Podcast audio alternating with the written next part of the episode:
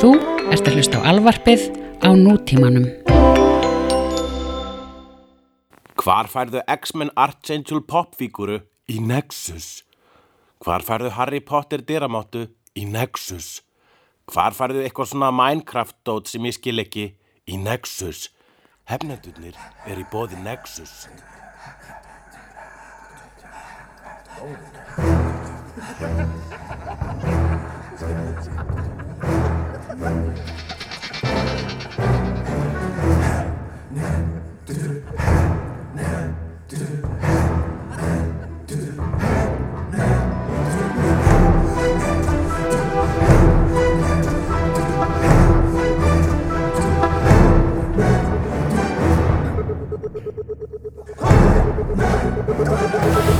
Loka glugganum að það.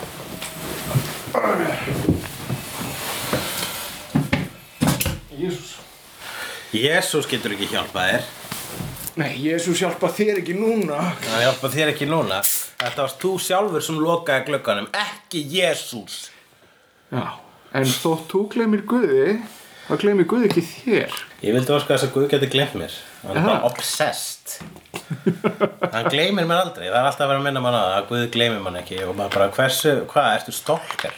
Þetta er, þetta er samt samtal sem á meira heima í jæna, ákvært að glápa. Þegar við fyrir tölunoksu um maður. Jó! En ég held að við ætlum að setja hann í nýjan flokk sem að hét uh, Með tveir í tekinu Ég held, að, ég held samt að þetta er heima í tveimur flokkum þá. Það er fullt sem á heima í tveimur flokkum Já. meðal annars tvíkinnett fólk Já. það heima í eh, einu kynfæri og hinu kynfærinu líka Mhm. -hmm. því að þó að, uh, því að, þó að uh, neyður eru alls konar þá eru kynfæri bara tvö ég finnst það er svolítið óréttlátt sko, að það séu bara tvö kynfæri fyrir alla, allt þetta, allar þessar nýju neyðir Ég skil þig. þetta var komin, ég finnst að það þarf að kynna þriðja kynfærið Já, þú getur enda tæknum þessi búið til þriðja kynfæri með því bara að fjalla það, sko. Alveg. í alveg helsini. að hafa það bara hólu eða bara ekkert Já. bara svona, en þú þarft náttúrulega kynfæri, þau þjóna tvernum tilgangi, það er að gera kyn Svona Theon Greyjoy flokk. já, akkurat það, Samt, samt, þú veist, val. já, þannig að það er ennþá frekar hægt- heldur það er en- ennþá hægt að pissa Já, ok, þannig að þá en þá er aftur við að þriðja kynfærið sé ekkert kynfæri já, já, já það er náttúrulega það er hefur- flokkur út af fyrir sig það sko. hefur verið til síðan geldingar eru til Já. já. akkurat mm.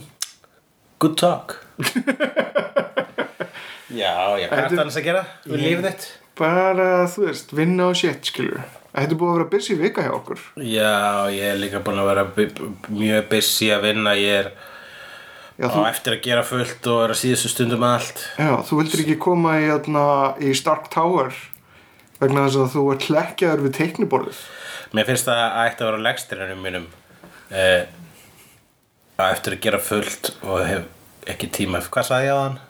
Ég sagði á hann það sem ætti að vera á legstirinnum mínum. Sæður það við mig? Eða? Já, ég sagði það, ég var að fara að klára að segja það, ég var bara, hei, það verið frábært á legstirinnum minn. Svo sagði þú eitthvað og þá glemdi ég það sem ég ætlaði að segja. Ok, nei, ég misti algjörlega því ég, ég, ég, Það hefði verið góða brandari, Fór í hefði framhjá. verið sagður með rétt á skriðþunga en uh, þetta er samtal og þess vegna hefur þú rétt á öllu þínu einbúti Þarf eitthvað að vera, þú veist, brandari Get- Getið þið ekki bara verið fyndið augnablik uh, Hvað, ertu, má, má ég ekki kalla það brandara? Ég veit það ekki, mér finnst þessu brandari þurfa ásetning Já, nei, Svona eins og nei. ef ykkur rennur í hálku á fyndin hátt, er það brandari? Já, það er hægt að gera brandara, þú veist, brandari Þá er hægt að gera brandari Já, þú meinar ásetningur Já, Mhm. akkurat, en ég er, þegar ég er að tala hér í mikrofón, þá er ég alltaf þá er ég ekki bara að, se- hérna, hvað var þú að segja fyndin hugsun, eða eitthvað Já, ég meina, Fyndið augnablik Já. Þá er það meir en bara fyndið augnablik Það er líka brandari Ég- vegna þess að ég er að reyna að vera fyndin og ef ég er að reyna að vera fyndin þá ég, er kannski, brandari ég kannski helst að reyna að greiða úr þessum vombriðum sem þú upplýður við það að geta ekki gert brandari úr þessu. Hvað var það sem að ég var ég hugsaði í smástund Yes, ég ætla að skrifa þetta að niður En ég ætla bara að spóla, ég ætla bara að hlusta á þetta setna þá Það er Basic, e, að, að tala í hefnundum er að svo skrifa með munninu En já, við vorum með, hérna, uh, við síndum frábæra mynd Já, á þriðu daginn fyrir alveg smekkfullum sal Battle Royale Smekkfullur, hvað þýð það? það var setið á öllum borðum Já, er það smekkfullur? já ég meina hann var ekki þú veist, Smekkfullur því þess að þetta ekki er saman tróðfullur við hefðum alveg viljað fá fleira fólk sko. Og er en smekkfullur smekkfullir er alveg tróðfullir líka sko. En að- Nei, hann var nefnilega ekki tróðfullur Hann gat fullt af fólki komist Já, það er satt. Hann var sko í rauninni hvar voru þið jarðabúar Nei, hei, enga bitur þér Þetta var miklu betra heldur en það voru of margir já eins og of mikið fólk þú veist, það er, já of mikið fólk þannig að já við það er, síndum þegar, það er þegar stærsta vandamál í þessari veröld er of mikið Já, fólk þannig að við að stuðla sýndum- því í lokuðum ramma þannig að við síndum Battle Royale fyrir þægilega fullum sal já, já, sumir voru bara pínu tipsi og sumir ég trú en ógeðslega gaman, það er langt síðan ég sá hann síðast já, ég hafði ekki séð hana í uh, nokkur ár sko og var búin að gleyma öllum þessum mínisögum þarna ég man, eina sagan sem ég mana eftir að ráði var uh, uh, sem sé hérna, pe, svona petósagan mm -hmm. já Petó er svolítið þema í dag, þess að dagana. já, það held ég einum gangandi Ah, Pappi pardonaði Petó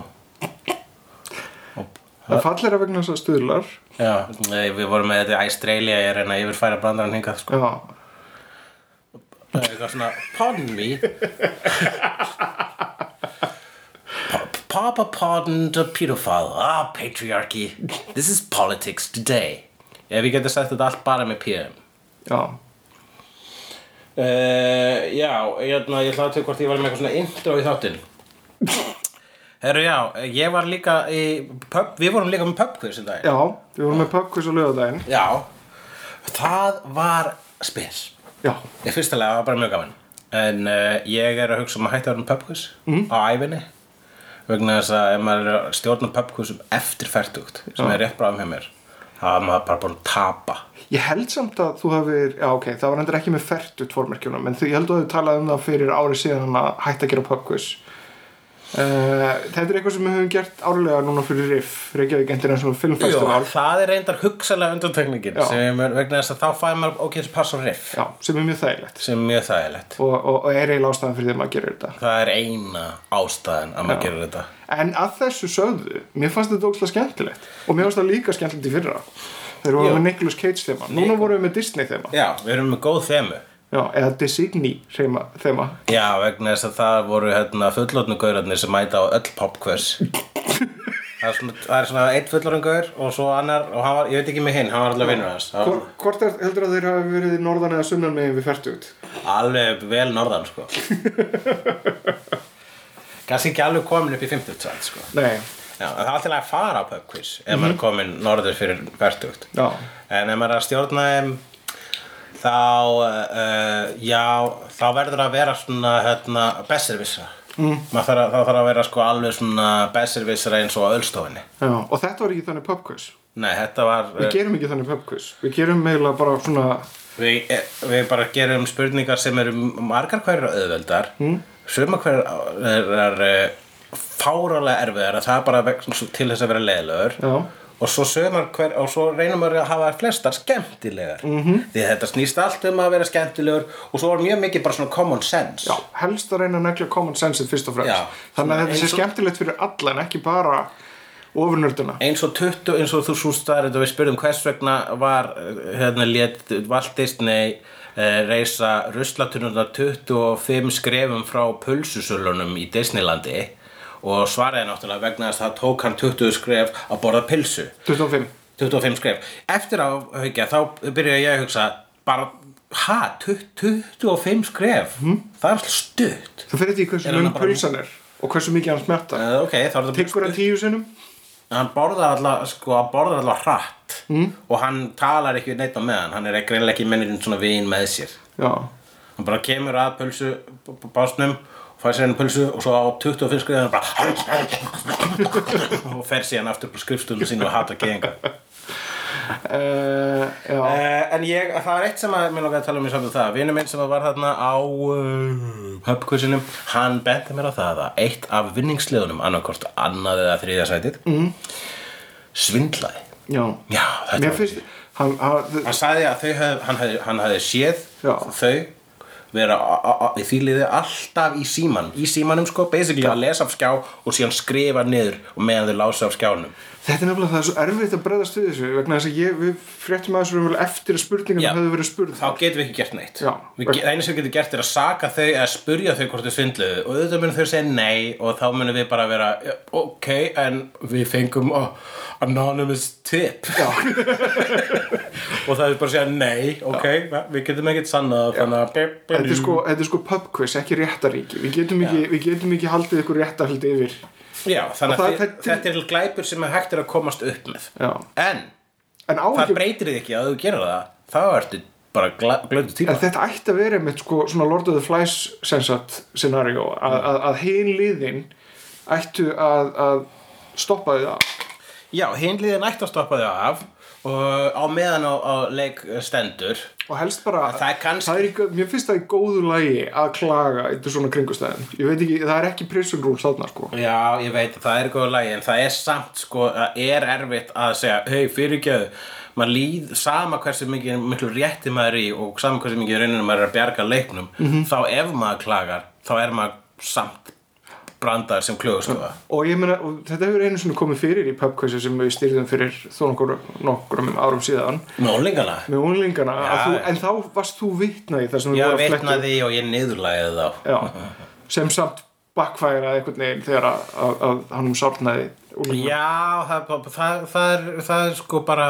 skil, skilgreininga aðtrið hvort það backfæraði sko, vegna þess að í, mi- sko, jú, vissulega var á meðan ég stóð þegar ég fattaði það, ég- ég komst að því að ég hefði nýðurlagt einn úlingin fyrir framar vinnans, sem er vist að versta sem getur komið fyrir úlinga að vera nýðurlæðir, vegna þess að þetta eru óþróaðar skepnur sem fatt ekki að í rauninni ekkit skiptir máli í stóra samhengjunu þegar kemur að félagslegu samskiptum. En Uh, en eftir á higgja þá var þetta rosa góð minning að hafa niðurlagt niðurlagt þannig úling það er svona eitt af því sem ég er stoltur af Ah, já, nákvæmlega. Þetta getur farið á legstinu. Niðurlegði ungling. Já, akkurat það það er mjög gott, það er bara tvö orð það er miklu ódýrar en hinlegstinnin Þetta þetta er svona, já, þetta er svona eins og hérna, bjargaði uh, fólki úr brennandi byggingu og Já sem við hliðin á uh, Hulíku Dagsson. Niðurlegði ungling. Niðurlæðið úling uh, En nú er komið að nýjum uh, dagskráleiði í hefnundum sem heitir Stóra spurningin Nú, stóra spurningin í dag er Hvers vegna var Death Star Gunnurinn með hjálm? Ég veit, wow, það er mjög góð spurning. kannski, þú veist, kannski er hann bara með áhyggjur af því að reka stí eitthvað svona. Þetta er svona eins og yðnaðarhjálmur. Við erum að tala um að þegar að hérna, uh, þegar að Það er það, mjög hátt í það er loft. eitt maður á takkaborðinu. Já, Mhm. En það eru kannski það eru fleiri en einn. Það er allavega fókus á einn í minningunni og hann ítir okkur að taka, eða sku, eh, er, er, er, hann er svona, hann er með svona voljum dæmi og eitthvað.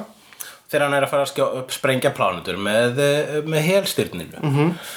Og hann er með hjálm, en hann er, þú veist, ekki uh, in the field. ég, sko þetta gæti Hann er ekki verið... stormtrooper. Sko málið er það, þetta er svo stór hjálmur að hann hlýtur að vera eitthvað með eitthvað meira heldur en bara verjan við Já, höfðöki hann er með hjálm, sko, já, hann, líka, hann hýlur allt þannig að Bara þetta utan um gæti, vallarins. verið, þetta gæti verið eins og einhvern tímann var ég að vinna hjá alveg Strömsvík og þá fekk ég svona game svona hjálm Mhm. Já. og, og það var til þess að, hérna, að koma í veg fyrir kólarík Það er vegna sem þið var lofað þegar þú varst ráðinn bara einn daginn það fyrir geiminn en, hérna, en, nei, en ég meina þú veist þetta gæti verið vegna þess að það er slæmt andrúsloft á það Já, geislaverkni og svona Já, þetta er náttúrulega mjög stór Já, geisli þú, þú, ert ekki, þú ert ekki í taufötum skilur Nei, en hér er geisla- þess að hann er hérna ráðinn í þetta sem uh, Já. ge geisla skjóti Þetta getur verið, eins og ég segi, þetta gæti verið svona súröfnis eitthvað dæmi eða, eða svona sem sagt, lofthreinsi búnaður. Já, en sko, ok, hann segir, ok, heyrðu, hérna, þú er hérna, hérna er takkabárið, hérna myndu, hér, þú nota þessa takka til að skjóta, eh, sprengja plánutur og bara, já, ég sé þarna að það er bara við hliðin á geislanum Já, já, það er alltaf, þú verður um hjálm Ok. Gætið þau kannski frekar bara hafa byggt takaborðið í sko aðskildu herbyggju frá geislarum svona hugmyndir að eða sem það er búið að byggja þetta það byggði eitthvað svona Dani Dani slegurinn svona Hannibal, hann byggði þetta hann mun ekkert svindla á okkur, hann veit hvað hann er að gera Uh, það er endur uppáhalds mýmið mitt. Masters of Danish Design. Já, já, já, já, já, vegna þess að það er hérna, Death Star. Death Star mm -hmm. En hérna, já, nei, ég meina, ég, eh, Þetta er góð spurning Þetta er góð stór spurning Þetta er góð stór spurning og við vörpum henni yfir til jarðabúa og þá er komið að málefni dagsins. Málefni dagsins. uh, Já uh, Í fyrir Nei, ekki málefni dagsins, fyrir ekki. Uh, hérna, hvað er að gerast? Hvað er að gerast? uh, Já Ertu með eitthvað hvað er að gerast? Ég er Já. með þeim slatta sko Ég var með hvað er að gerast hérna, ég var með til dæmis að uh, Sean Spicer var á Emmys, þú sagði mér ekkert frá því þegar við vorum að tala um Emmys. Mér var bara sama Það var að umdeldasta við MS, það eru allir brjálaðir yfir því vegna þess en who að það voru gives a shit? meðvirk. Ha, með, sko, who gives a shit? Já. Herru, það er verið að normalæsa hatur. That's why we should give a shit. að vera að normalæsa ligar mögulega en ég meina hatur, ég veit ekki hvort að Sjón Spicer sé hatur, hann er meira bara svona stúpid ligari Já, en er það ekki, en stúpid, sko, ef að stúpid ligar stuðlaða hatri. mm, Já, ég að breyða yfir hatur Ég, vegna vissulega þess að, þess að, ég hef ekkert um betað að Trump er í rauninni verra en rasisti. Mhm. Mm. Hann, hann er sko, hann er sko, eins og, eins og Fasisti Nei, vegna þess að fasistar rasistar þeir hafa actually eitthvað svona prinsip og hugsanir uh, Hann er svo Narsisti, na narsisti Já, narsisist er málið, hann er elskar sjálf þessu svo mikið og hann vill svo mikið vera elskaður að hann er samahátt að fólk gera það uh, í eitthvað skonar uh, ha haturs samengi Já, en ég meina, en ok, þetta er einn af þessum hlutu sem að um, e, Mér langar ekki til þess að gefa þessu tíma vegna þess að ég held að þessu aðrir hlutir mikilvægari en celebrity status á gauður sem var talsmaður kvítahúsins Algjörlega, það er rétt hjá þér, og veistu hvað er mikið væri? Hvað? Nýja Powerpuff-stelpan Já, nákvæmlega Við verðum að passa okkur klappa samt ekki þegar við erum ekki búið til jingle Já, það er rétt þér Fyrir ekki, ég, bara, ég, ég misti mér spenningi Við skulum bara gera svona hérna Hvað heitir hún? Báðan neyð upp í loft Já, hvað heitir hún í þarna nýja Powerpuff-stelpan? Ah, hvað ég er góður að gera púnta hérna vegna sem ég skrifaði bara fjórða Powerpuff-stelpan Já For... Ertu, eh, veistu eitthvað meira en það að það, sé- það er komið ný Powerpuff-stelpa vegna þess að, að ég er ekki búin að sjá þáttinn og þú sagði mér þetta í bíó uh, þegar við vorum á Mother Uh-huh. og síðan er ég ekki búin að checka á sattur ég er eiginlega búin að gleyma þessu þar til þú myndist á það núna Hún heitir Bliss Ok, Þannig að hún heldur í við hefðina að byrja á B eins og Buttercup, Blossom og uh, uh, Buttercup, Blossom, Bubbles uh uh, og þessi okkur heitir hún ekki þá Buzz uh, Akkur heitir hún ekki Buzz? Eins og Bli... Já, Ah, ok. Akkur heitir hún heitir Buzz? Já. Vegna sem hún er alltaf Nei, friðin vegna nei, sem nei, svart nei, nei, rasisti. þetta- ég, ég var að reyna að búa um, Blossom fokkar því upp Já. Það, þetta passar eiginlega betur við eitthvað Já, uh, það er sem sagt, hún heitir uh, Bliss og, og ég skal bara lesa hérna grein. Fourth Powerpuff Girl revealed. Meet Townsville's first black crime fighter. Powerpuff Girls fans offered mixed reactions to the recent news of a fourth girl joining the ironic, nei, fyrir ekki iconic trio. Það er samt pínu íroni í þessum þáttum. But now that the character has been introduced, we're thinking she'll be able to win over naysayers in no time. The new recruit, Blistina, Bliss for short, was unveiled Sunday during the one hour Power of Four special. With her shiny blue hair, light purple dress, and a grown up figure. Grown up figure? Ha, Hvað þýð það? það er góð spurning Já, hún er með stærri rass en hinnar. Er hún, er, er hún ekki starri? Þú sér að hún er með svona mjadmir. Huh. Já. En a grown up figure. hmm, Er hún eldri sýstu þeirra eða eitthvað? Er hún einhvern veginn, hvað, hvað er eiginlega að gerast hérna? þetta? The grown up figure. Bliss certainly look, has a look all her own. Along with an explosive new power. Uh, for the record, Bliss's race was never explicitly addressed in the episode.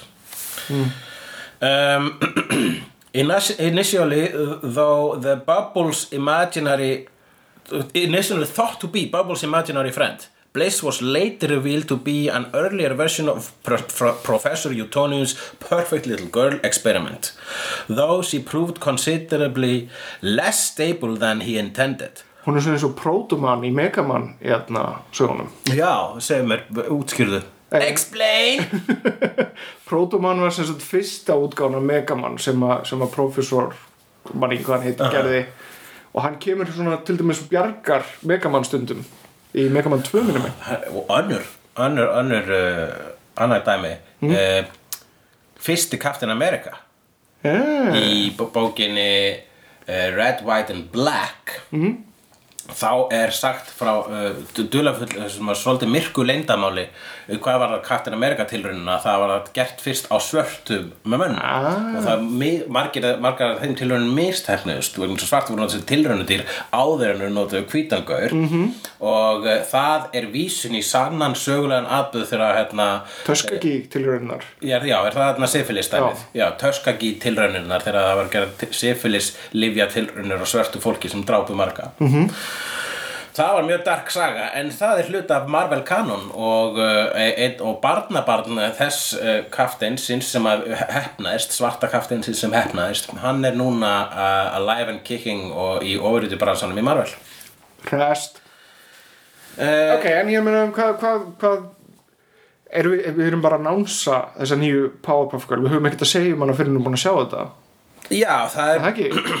hún kom þarna í þessum þætti sem er eitthvað power of En hún er four. stærri en þær Hún er- Eða er hún bara, er hún, nær? eldri. Ég held að hún sé eldri Já. Hún er svona meira í átta kynþróska Hún er kannski svona, hún er svona pre-teen eða teen Já, Mm. Og þær eru bara litla stelpur sko Þannig að þær munu sko, ég hugsa að þær svona líti upp til hennar sko Eða uh, horfum við til hennar með hérna, fordómum og, og hérna, óöryggi Ég, hva, for- fordómum hva, Já, ég hvað skoða meina að þú fordómum? veist Sko, ok, þau, þau hafa ekki allist upp saman þannig að þau þekkjast ekki neitt Þannig að Nei. þetta bara, hún kemur svona bara eins og stormsveipur inn í líður Já. Það eru örugglega alls konar powerströggla leiðin að hana Já, en þú veist, það er hérna ma- ef að sko, ég sé það meira fyrir mér og, bara, og þá er ég bara að dæma út frá þessari tekníku sem ég sé að þeim saman að fljúa eins og það sé saman liði að hérna, hún sé að segja svona komum stelpur og það er já og það er svona hérna, eins og þegar maður var lítill en átti eldri frænda og hann var svona cool Ó, Ma, ba, ba, þú veist, maður var kannski, maður var kannski fimm ára, Mhm. en það var sjö ára frænda og það var sjö ára frændin bara svona eins og bara jóta já það var bara, vá, djöld veist þú mikið og ert svona streetwise og maður svona, manna eftir tíu ára frængu sem ég held basically að vera fullorinn Mhm. og var bara sama fullorinn fyrir mér tíu ára var líka bara tvær tölur sko, í aldrinu þínum það er, það er, það er talsverið munur hérna í þroska og reynslu uh, e, hérna Dan Harmon og Rickon Morty aðdándir Já, hann var að skamma Rick and Morty aðdóðendur sem að sem að er uh, hérna, Douchebags. Já, eh, og er, a, er að nýðast á kvenkins höfundum Rickon Morty það var, þeir voru að gera þeir eru fyrir bara þriðja ein- sísón Já, ég, ég held að þessi bara einmanna Já, en fyrir þriðja sísón þá kynja jöfnu þeir uh, sem sagt höfundaherbyggið Já og fengu sem sagt konir í hópin og hérna Mhm. Nei, ég, ég, mun- ég frekar að segja þeir jafnbretti smiðuðu það Já, ok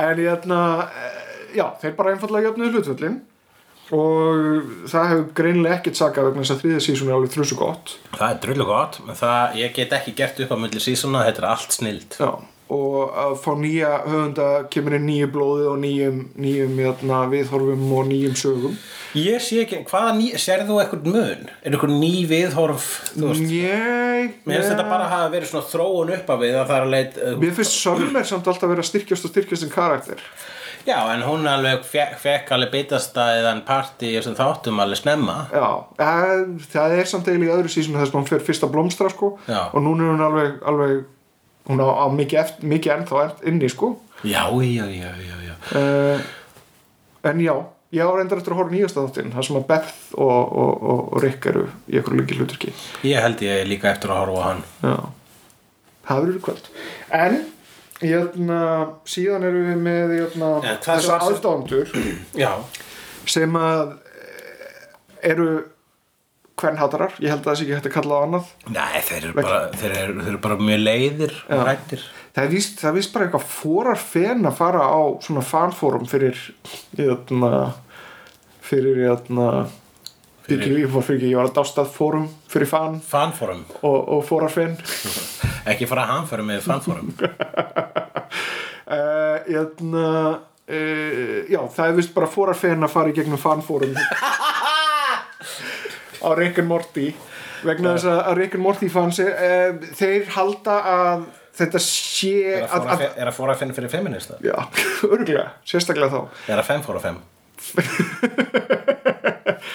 Eh, Hérna, ok, ég, ég týndist algjörlega í orðasöpunni Ég er búin að missa hugsunina Hérna, Það ætti að standa legstinninu mér. en hérna Já, í grunnatriðum þá eh, er þetta bunch of entitled litlum fáutum sem að halda það að Rick sé cool í staðan fyrir það að serían er raunverulega ekki að kondóna það sem að Rick er, sem er fáuti Já. en þeir benda á það þetta er, þetta er svona að þú færð að leika þér í þessum heimi og hafa gaman á því að halda með skilur vondagæðanum Já.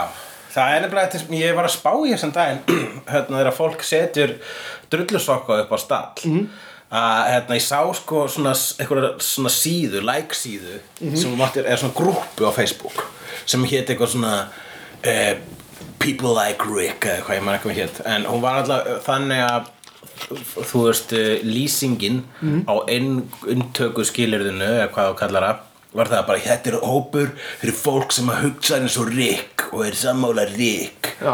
og ég bara, já, ok, fyrsta lagi það hugsa enginn svo Rick og hann er snillingur og hann finnur upp, þú veist, svona uppfinningar sem geta fært á að milli vitta og eitthvað og og ef ætlar að bara hegða þær svo reik þá bara er sko mjög líklegt að fjölskyldan sé búin að útskoða þér vegna þess að þú ert asshole svo má ekki gleyma því að það er stöðut verið að benda á það að hann Rick er í um stöðum sásöka Já. vabalabadabda Já, hann er í stöðum sásöku og hann líður illa og það eru stærstu skilabóð þáttarins ég maður hefur sko séð þetta oftir að eru svona algjörri asshole típur eins og sko hérna, hann Bl- Black í Bernard Black í Black Books sem að er æðislega fyndin og ég er alltaf bara svona, þetta er ég og, en sér, þetta er ekki ég vegna þess að þetta er miklu verri ég og ef ég væri svona þá ætti ég munfæri vinni uh, vegna þess að það, þú veist meinhæmi maður- getur verið mjög eðalegjandi fyrir Já, þetta er vinasamband allt saman mjög fyndið á pappir og, á kar, og þú veist, á karakter vegna þess að karakterar eru ekki jafn flóknir Mhm. og uh, alvöru fólk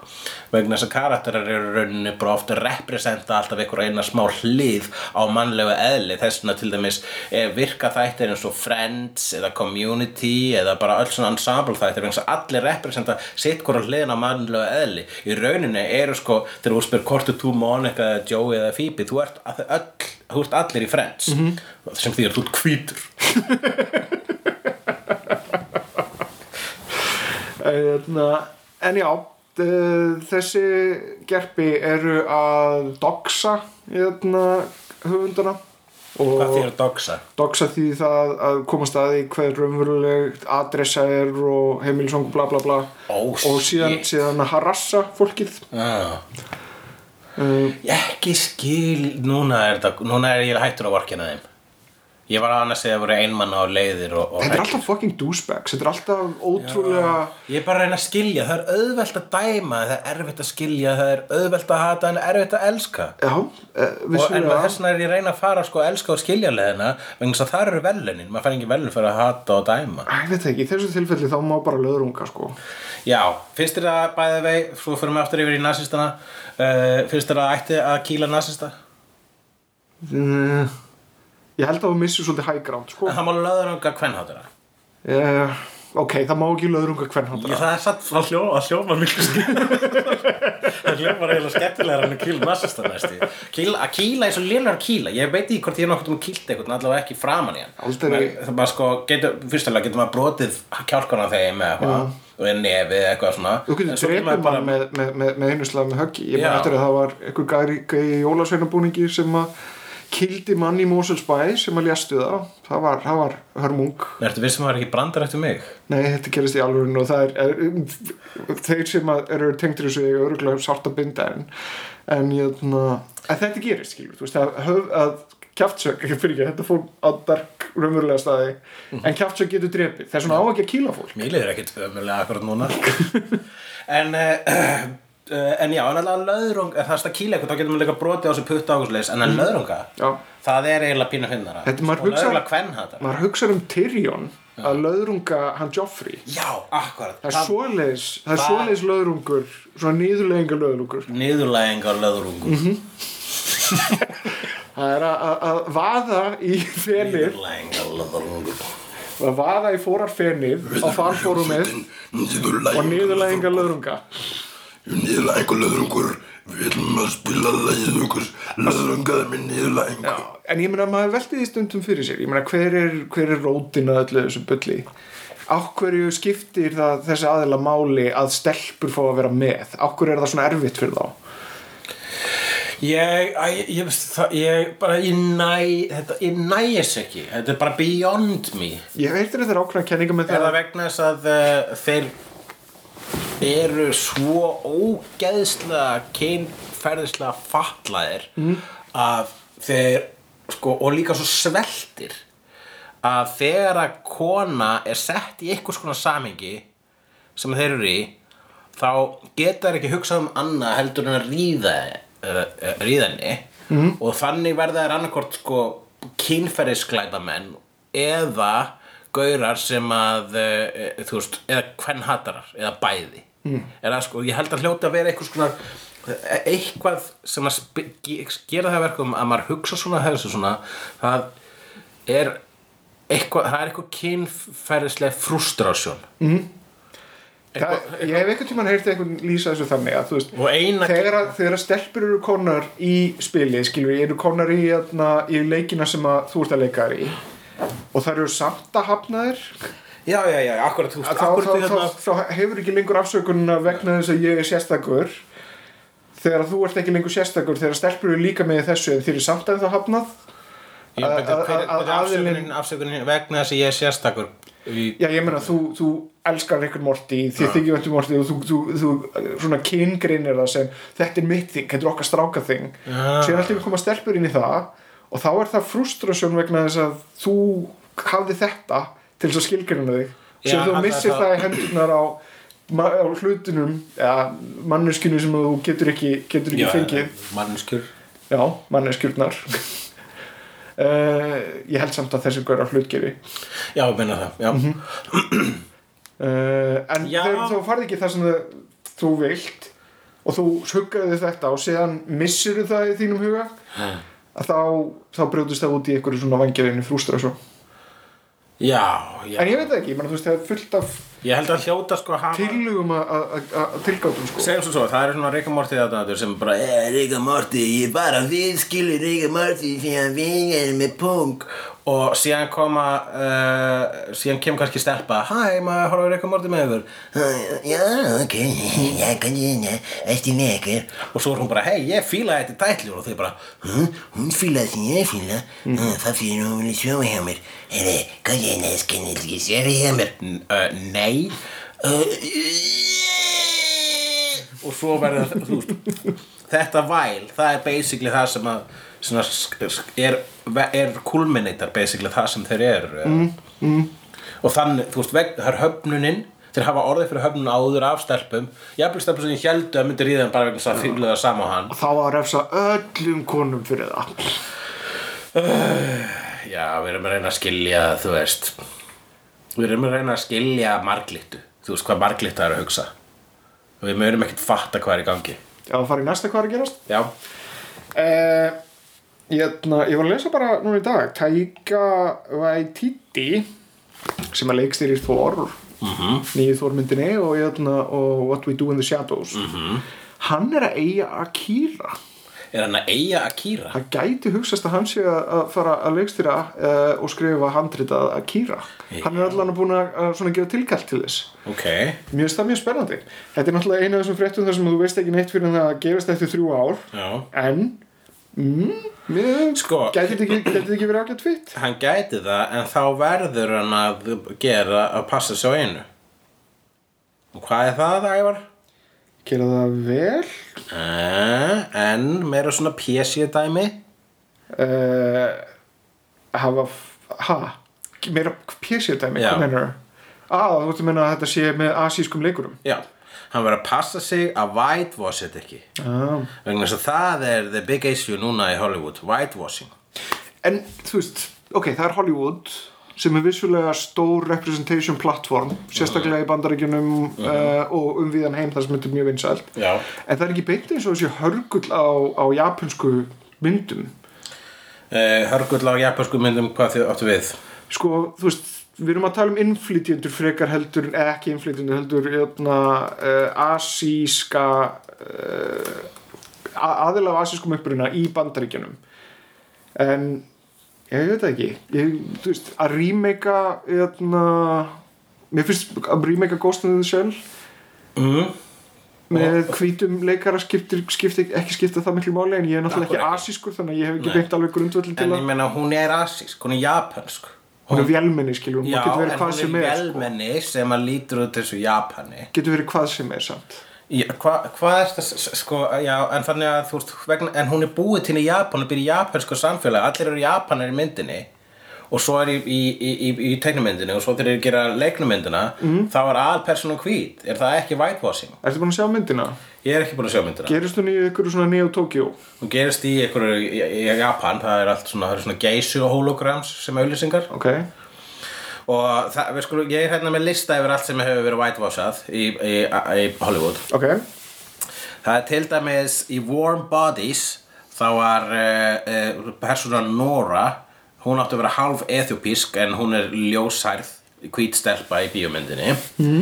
Angelina Jolie í Mighty Heart átti að vera halv afro-kínvesk kúpansk uh, en hún fekk blessun frá höfundunum bæði hún er með svarta krullur samt og, og ég held hún sem með svona dökkbrúna eða linsur líka Já, hún er svolítið eins og Það er búið- konan sem að mannstu konan sem tótti störst verð Já, já, hún er svolítið eins og hún Uh, og Angelina Jolie aftur í Wanted þar er í myndasögunni skriðið af Mark Miller uh, þá er hún eh, svört og lítur meira svo alveg út eins og uh, Halle Berry þannig að það vild, svo greinilegt að Mark Miller vildi að Halle Berry leki, al, pers, leki hennar hlutverki þeirri í mynd en við, uh, svo erum en vissur það að, hérna, að al kallpersonan sem er leikinn að James McAvoy í myndinni lítur út alveg svo Eminem í bókinni mm -hmm. látin lítur út þessu Eminem eins og Mark Miller hafa bara ég dósku þess að Eminem leikinn Ok, og svo er uh, hérna mynd sem að Jan- með Anthony Hopkins sem heitir Human Stain þar sem að hann leikur uh, mann sem að uh, er svartur en hefur þóst vera hvítur alla æfi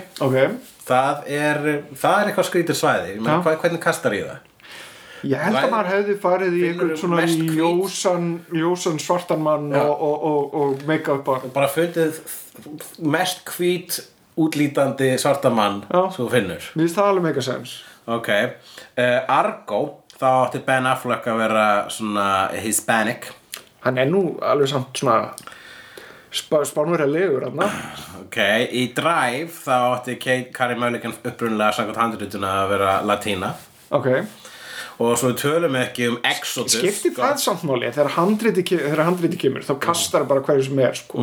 Mm, ef, ef þú finnur bestu leikurna í hlutverkið það skiptir einhver máli hvað stendur spesifíkli í handriti fyrir það þú Ég- getur alveg, alveg breytt um Þú það getur breytt því, en- þetta er ekkert byggt á öðrum, öðrum raunveruleika eða öðrum hlutverkum Jú, jú, ok, en það breytir þig ekki að þú, það, er hérna, að þú s- s- sjást það er hérna stendur hérna Hispanic, Latina, woman og þú segir ég ætla að láta að breska kvítakonulega þú last ekkert handritið samt áður en þú fór í- fórst í bíó Nei, nei, ég er bara að segja það sem gerðist Ok. Ég er bara að segja að þessi ákvörðin var tekin alright Já Og svo er hérna Exodus, Gods and Monsters Það sem að er Já, Sara það er náttúrulega bara Ramesses og- feitur, feit, feit whitewashing Já, þeir eru bara alveg snjóhvítir gaurðin sem leikið þarna Egipta, mm Mhm. -hmm. miðausturlenska menn uh, Og svo er til dæmis Speed Racer já, Hvað finnst þér um það? Emil Hirsch leik Speed Racer, japansk teknimynd já sem ég að veit samkvæmt öllu áháðun að vera japanskur Já, en ég meina að við höfum líka rætt um það jötna, á uh, annan veg Mm.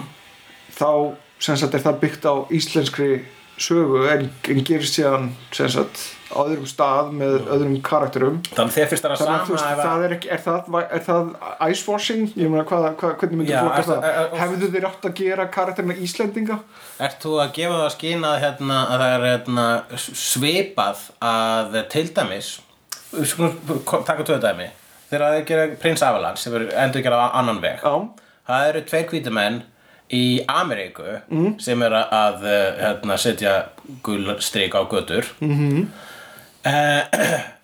og það er ekki whitewashing, nei það er staðfæring staðferðing, já. Já, staðfæring er allt, allt annan hlutur En er ekki spýtreysi staðferðing líka? Gerist það ekki allt í bandaríkjum? Já, það er alveg góð spurning, sko uh, Japanese family is turned into a midwestern one Jó, það, en er, er það, það, hérna, það, það, það er staðfæring sko? Já, sko. Eh. ef þú, ef þú endurgerir hérna, þú veist, mynd frá Greiklandi Já, uh, og staðferðar hana í New York með fullt af einhverju hvítu missýttafólki Uh-huh. er, það, er það whitewashing líka? sko, e, e, e, e, segðu þetta aftur fyrir ekki Nei, menn, ok, ef við tökum argodæmið þá er það, það er verið að breyta sögulegum staðrindum Já, það er, ar, það er leiðlega við það og það Arnór er ekki líka bara... bara- bandarækjumenn að taka heiður fyrir fullt af kanadamönnum ekki bara er hérna verið að whitewasha al hlutverki Já. í þeirri mynd þá Það er er líka sögufölsun. verið að bara s- falsa söguna og láta bandaríkjamenn gera allt sem þeir gerðu ekki í myndinni Það sem pirrar mig. bandaríkjamenn samkvæmt sögunni eru asshole- assholes í þessari sögu Já. eh, og eh, sem er svo leiðilegt vegna þess að mynd rockar Já, mjög góð en, jötna, en það er, myndi ég segja, alveg 100% Já, whitewashing svo með- eða, eða hvað við myndum kalla það vegna þess að spánverðar er ekki beint þú veist, þeir, þeir, þeir flakkast alveg undir, undir Argo er eins, hvíta Argo í er svona gæsalöpum. eins og hérna uh, bully í high school fyrir úlengstelpu, þú veist, maður veit að hún er asshole, en hún er bara svo spennandi en ég meina, ok, og síðan ertu með þarna hana Ég með Emma Stone í Aloha, það er nú f- mjög- mjög þekkt nýlegt dæmi Já. og með hún á að vera hérna Ja, það var eitthvað svona- hawaiisk. það var einhver viðsnúningu þar að þetta var, hún var, það var hlut af söguna hún var hafæsk en líti ekki út fyrir að vera hafæsk Hmm. mm. og upplýði ykkur fordum út af því í hináttina Ok, ég veit ekkert um það en ég menna það er Cameron Crowe mynd þannig að hún getur ekki hugsanlega verið góð Nei. þess að það er ofmetnasti og leðilegsti leikstjóri í heimi Nú, uh, ok, fyrir ekki, ofmetnasti Hann er bara leðilegur Hérna og uh, uh, svo er hérna Jake Gyllenhaal í Prince of Persia hann er náttúrulega bara bjánalegt Já, það, þar eru alveg Ekki komin í bara, en líka það er Íslandikur sem leikur líka Araba Já.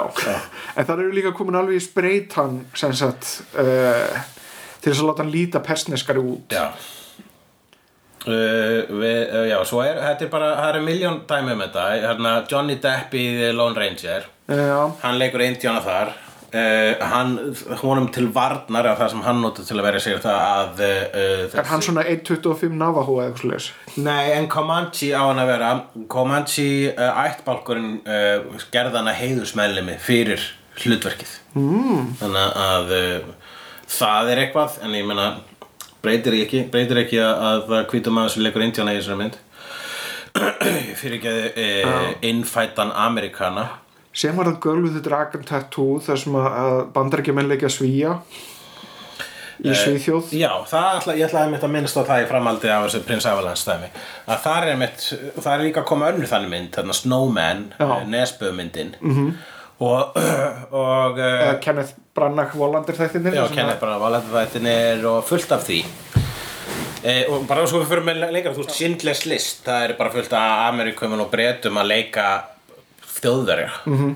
og hérna hvar, hvar, hvar eru margir? Hvernig, ég ég, veit held, það ekki, ég er að ég, spyrja það sem ég held er að ég held að gæti alveg orðið einn daginn að e, það veri bara svona pínu, svona asnalegt eða svona hlægilegt Mhm. að sjá myndir eins og Schindler's List og Golfið þykir Dragon Tattoo og Snowman bara svona, byrju, er þetta ekki svíþjóð? Akkur er það að tala ensku? Mhm. Mm. Það mun, einn- ég heg- hugsa að gæti alveg þróast í þá áttina sko. Ég held að við séum hægt og bítandi að fara þangað vegna Já. þess að, að þökk sé Netflix og Já. viðari dreifingu á hérna þessu efni þá eru hinn löndin, þessi útlensku sem hafa verið að mókið okkur myndir líka farin að lesa texta sem Já. er mjög ákvað þróun Já, það er mjög jákvæmt þróun en uh, uh, ég vil, vil meina það að, að hlutir eins og hérna, eins og uh, að góstinu sjálf það, það var stúpid ákvörðun að láta, ég fyrst um leið og ég heyrði það að Scarlett Johansson ætti að leika þessi personu það bara, nú eru þeir að staðfæra þetta nei, ok, þetta gerist í Japan þeir eru bara að láta hana vera að hvita Þá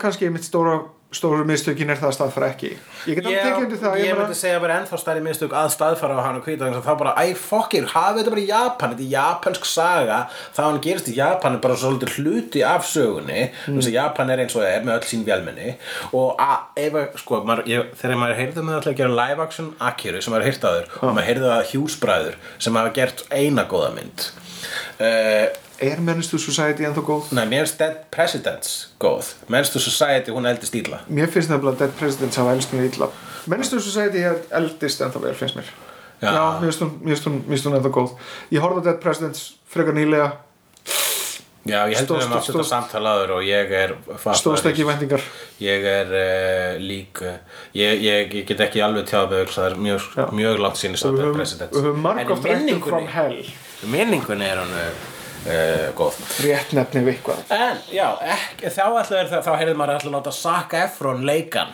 leika Kanada já, nei, og eh, þú veist það er ekki vegna þess að Zac Efron Zac Efron er flottur leikari, hann Mhm. er mjög góður og hérna en uh, en að láta hvitt fólk leika Japanana í Akira það er bara, eh, það er glata drasl En ok, ef við, ef við kannski bara förum að kjarna málsins þá snýst þetta kannski ekkit endilega um whitewashing heldur meira bara um representation og það hversu fáir asjubúar eða eða eðna, fólk af öðrum, öðrum Já, íþróttum. eftir að segja að Asíubor þurfa bara að vera duglegri Nei, já, það þurfum við að bara hafa fleiri svoleiðis karakter af ísvegarum í kvikmyndum Já, sem það er ekki stereotypjur af, af, af karakterunum Og þá getum við tekið dæmi. fullmótaða manneskjur Þá getum við tekið gott aðeins um það, er bara Scarlett Johansson sem er karakter sem er japanskur eða bara allir karakterarnir í Akira sem átti einu svona að vera hvítir í einhverju staðfæringu eða einhverju e, hjúsbræðra útgáfu Það er whitewashing sem er svolítið ironist í e, Gareth hjúsbræður sem þeir eru svartir en Taiki Wait- Waititi er, er, er reyndar mári Já, kannski, kannski gerum þetta bara með márum er það þá í lagi? ég man ekki hvernig þetta samtal byrja hvað er tæka að títa aftur að gera hann er að fara auksum að fara að gera Akira Já, hann er ekki sem að gera ekki Og hérna Já, en ég, eins og ég segi, hann ætti það bara að láta hann að gerast í Japan Hún, hún fjallar um sko Neo-Tokyo e- Þunga miðja sagana söguna snýst um gjöreðingavopn ættu þau að tala ennsku þá eða japansku? Japansku Það var bara, mér finnst þetta að vera japansk mynd uh, En með, gerum fyrir ameríska peninga Vegna þess að Ameríkar er meira pening Sm- samt skilur, þú getur fengið alveg drullu gott stöfi frá Japan á þeirra budget með þeirra leikstjórum Þessar dýrustu myndir frá Japan Sástu þarna til með uh, Attack on Titan já Já, það var ekkert awesome tæknibrellur í henni það er bara fyrir til leikstjóra skilur og það Það er fer eftir eftir- leikstjóra það fer eftir leikstjóra, áherslu leikstjóra og hvernig, hvernig effektan dótið er þú getur alveg fengið high budget Ég hef shit sem að aldrei lítur út eins og sé- maðurfokkar Ég hef séð Ég hef séð uh, ég myndi reynda að Ég sé fá japanska mynd sem líti út þessu maðurfokkar en ég, það er na- aldrei Ég- jafn mikill maðurfokkar og stærsti maðurfokkar enn í Ameríku ég myndi reynda að fá suðu kóreskan leikstjóra vegna þess að suðu kórumenn eru að gera gott mót í bíó þess að dana Ég myndi að það er eitthvað myndi tala svona um Íslendinga, Svíja og Dani Ég myndi fá danska leikstjóra til að leikstjóra hérna mýrinni Já, Já. ég myndi fá danska leikstöru til að leikstýra mýrinni alla daga Af hverju? vegna þess að þeir eru mjög góðir Já, en ég myndi að það er eitthvað um, það er, góð, það, er, það er góður kvimlakóldur sem þau koma úr það er góð, uh, leikstjórnar, uh, góður leikstjórnarskólar Já. þannig að þú ert að fá ákveði kvalitet Það segir að Dani efni. hefði gert þetta betur en Baltasar mögulega Já Mö, hver veit nema við fáum einhver tíman möðan eða hvað hva, hva við myndum kalla þetta á dönsku uh, danska útgáfa af, jæna, af, af Já, mýrinni Danir þurfi ekkert mýrinni, þeir eru með nóg já, nákvæmlega en En það sem ég er að segja er það að vegna þess að þú erst einhvern veginn að verðist að vera pínu að uh, uh, hvað segir maður, blása á já, njá, ég meina blása á mér finnst vætvarsing og segja það Mér finnst þetta vera, mér finnst það vera eitthvað, eitthvað af gráu þarna milli svart og hvíta uh, og ég held að það sé ekki alveg jafn einfalt að bara einfallega kalla allt whitewashing Ég kalla allt whitewashing þar sem karakterinn átti að vera öðruvísi en hvítur en var breytti hvítan ok, Það er whitewashing og hérna en má ekki vera líka adaptation fyrir annan heim er það, er það whitewashing líka adaptation fyrir annan heim ef að það er staðfæring Það er staðfæring Þá, uh, er það whitewashing hefur staðfæri sögu Það er, yfir í- það er allt annað, það er bara staðfæring en það er samt flokka sem whitewashing líka Hvað er flokka sem þú whitewashing? erum að tala um það aðan, speed racer Já, já, það er flokka sem whitewashing en uh, já, já, mér finnst það mér finnst það að vera pínu whitewashing mm. Mhm. menn þetta er japansk saga Já, ef að Akira er tekin bara wholesale og látin öll gerast í Neo New York Já, og allir kararnir eru bara einhver gödugengi sem að getur verið allra þjóðakvikindi já, uh, svartir, Það er staðfæring og whitewashing. gulir, rauðir, hvítir hvaða litum sem er bara Akira er japansk saga hún fjallar um Japan Mhm. mm. það er þessar borgir sem springa hvar annars það hafa borgir sprungið en í Japan Þetta er, Já, ja, ja, Þýskalandir þetta nei, bo, heil borg sprungið í einni sprengingu ekki einn sprengingu Gerið þetta en ég vopni. manna, þú veist, það, það voru eldsprengingar þar sem að Já, bara ok, þú veist alveg hvað ég er að tala um ævar þú Ég meinar gerði það hana sem að snúður. kjarnorku vopna að vera Já, notið Þetta er eitt, þetta fjallar um kjarnorkuvopn með bara í öðru samhengi, þannig er mynd Ég gefði þessu korti, hver veit nema Guam hverfi Já, ok, en ég er samt að segja að ef þú gerir þetta þá ertu asshole Ok, en ég vegna þess að alltaf þeirra, er, þeirra ákvörðun var til, til þeirra hann að sakka eftir áttu kannski að leika Kanada Já, sem ég veist slæm ákvörðin Já, en þá var ákvörðun ekki vegna þess að það var að vera staðfæra neitt svoleiðis það var vegna þess að einhver sem að er hérna, yfir í, kvi- í kvikmynda hérna, stúdíóinu Já. hann bara, já, við verðum náttúrulega bara hvítir Já. þá fara fleiri á þetta það gerir ráð fyrir að fara fleiri á þetta að það er hvít og það er kallkins En er það ekki uh, alveg valid ef að það er þannig? Já, en allar að afsaka þessu græðkina Nei, nei, nei, nei, ég ætla ekki að afsaka nei, en ég meina, þú veist, það er ástæða fyrir þessu Já, það vegna er þess að ástæða. áhærfundur fara ekki á myndir Ég er ekki að segja þetta sé ástæða þannig að þegar þú ert með svona ógeðslega dýran hlut Ég sem gat þarf að búa til aldrei þá þarf að skil. vera með þá, þá, þá, þá hefur þú vaðið fyrir niður þau þú ert með axlabönd og belti Þú ert að útskýra fyrir- þú ert að útskýra eitthvað fyrir mér sem ég var að segja rétt á Ég gaf aldrei skýra að það var ástæða lausu Ég er bara að segja að ástæðan fyrir þessu Mm. er drasl ok, en já, þetta er siðferðslegt drasl en svona raunsætt séð Já, raunsætt, hvað áttu við raunsætt? Það er raunsætt að fólk er fíbl Mm. ef við þá bara að segja, "Æ, þetta er, svona er fólk bara, það er fíbl já, Ertu að segja það? Ertu að segja það að við bara að leifa fólki að vera fíbl? ég, ég meina það tekur kannski langa tíma að, að, að breyta haugi fólks Mér finnst þú vera mjög línið í, í, þessu, í garð þessa fyrirbæris ég hugsa reynda svolítið til góðstöðin sjálf þar sem að orginal höfundur var rosalega hrifin af uh, Scarlett Johansson og, mm og framistöðu hennar Það er svolítið svipað á þetta þar sem að hún hérna Angelina Jolie leik hérna kúlaða konu með svarta linsur og gaf sína blessunum svo framvegis en ég er að menna uh, hversu mikið heldur að það hafi verið bara græðgi Ég held að sko að að það ég get vel tróði að höfundurinn sér drullu saman mm. en e, á yfirborðinu þá lítur þetta svona út Já, ég veist ekki að fórhundin og á þetta er með yfirborðinu þá eh, hugsaði ekkur pródusser hjúk, við þurfum ekki að kasta japanska Mér finnst forundilegast að dæmi hérna, Hellboy mm. Hvað hétt hann áttur hérna löggan? Ég, það er gaurinn hennar sem leik uh, gaurinn sem að Kalísi var að banga í smástund áður en að var skipt um leikara Og hann fór síðan í Deadpool Já, hann var í Deadpool, já, hann var sæti Sæti og uh, hann uh, átt, hann fekk hlutverk í, í nýju Hellboy myndinni og komst síðan af því af samfélagsmiðlum að þetta hlutverk er í myndasöðunum asísku kall Já. og þá var hann bara, já, já, já, herru, ég vil ekki taka þáttið svona, ég er Mhm. hættur sem að margir myndi kalla le- eh, astnarlegt múf hjá leikara þú kastar ekki frá þér svona stóru hlutverki en ég segi góð hugmyndi í honum vegna þess að þetta mun tryggja honum fína afkomu í Hollywood þess vegna ég er að segja hætta hugs þú veist, ekki, ekki vera asshole bara vegna þess að borga sig að vera asshole Já. vertu frekar góðugurinn En hérna erum við að tala um- það, það mun gefa þér meiri verðlun Já. í framtíðinni Hérna erum við samt að tala um bara frekar gott dæmi og dæmi sem ég er mjög hrifin af einmitt að hann stíður til hliðar og asísku leikar kemur í staðinn uh, og það er bara gott að blessa ég Já. er ánað með það En síðan á sama tíma, þá getum við spurt okkur En ef að maður sem að er hvítur er leik, í, í myndasögu er leikinn að svörstumanni Já, Hvað er það? svona eins og Nick Fury Eins og Nick Fury, en Nick Fury var reynda fyrst skrifaðar þannig í Ultimate myndasögunum og hann teiknar alveg svo hérna Bæði vegi Mark Millar skrifaði það og hann var teiknaður alveg eins og Samuel L. Jackson og þarna fekk sa- hérna, Mark Millar ósk sína uppfyllta Já, En já, hvað er það? Er það sama? Blackwashing, Blackwashing? ég veit það ekki Nei, mér finnst ekki verið saman Nei, nei, nei, það er náttúrulega þegar að þú ert með svo mikla yfirbyrði, þá ertu punching down einhvern veginn þegar þú ert að whitewasha Já. en punching up þegar þú ert að blackwasha innan gæsa lappa Hvítu eru búin að fá að vera þú veist, meiri hluta ráðandi yfir öllu í heiminum basically í mörg hundru ár mm.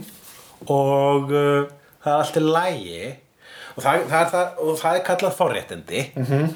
og þegar maður hefur þessu forréttindi þá er það bara skiptir að máli vera að vara um þau og uh, hversin ekki leifa uh, fólki öðru í svo litin og öðru kyni að koma stað í staðin vegna þess að kortið er við erum með tippi okkur allstaðir Sen er hérna uh, Eh, ég byrðist næsta afsökunar á því að vera rosalega PC og að stuðla að hugmyndum réttlætisrittara og góða fólksins en svona er maður bara eh, uh, alin upp uh,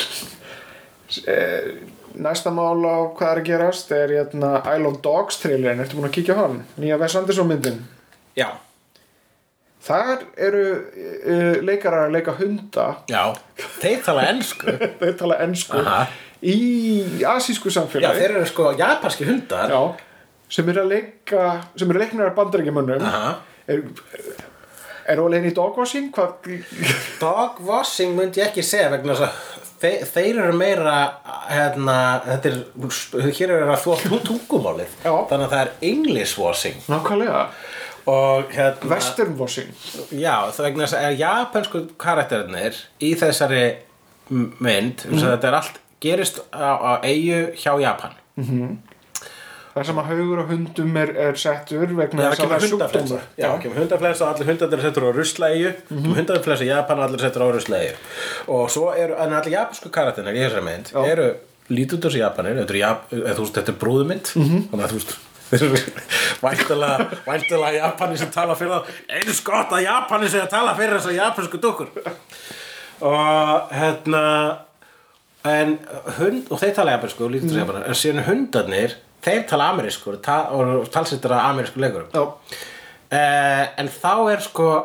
þeir getur náttúrulega bara verið að tala sitt hundamál Já, sem það að kemur getur fram hvað í sem er, treilinu sko. Það kemur fram í treilinu að þið skilja ekki hvort annað Þið Já. tala mismunum tungumál Þannig að hundumál tunga í þessari mynd er representaði með amerískum sem er bara fljótlæra heldur en að búa til heilt nýtt tungumál Já, eða, þú veist, eða setja texta og láta bara gelta allar tíma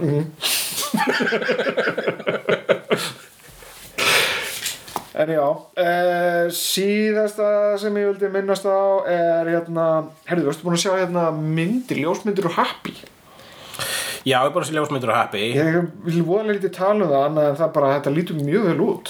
Happy var einn skemmtilegasta bók sem ég lesið upp á síðkastið er eh, nýleg saga frá Grant Morrison sem segir frá lauruglumanni sem að fær ólíklegan félaga til sín sem er ímyndaður vinur lítillar stelpu sem sagt, lítil stelpa sem er einhverstar uh, var, var man, sem var mannrætt hún á sér ímyndaðan uh, vin sem er fljúandi einhyrningur blár einhyrningur Krúttlegur einhyrningur. krúttulegur svona teiknumynda einhyrningur og en einhyrningurinn hann virðist geta haft samband við fleira en bara þessa litlu stelpu vegna sem hann nær sambandi við uh, uh, svona, svona bitran uh, alkoholista lauruglumann -hmm.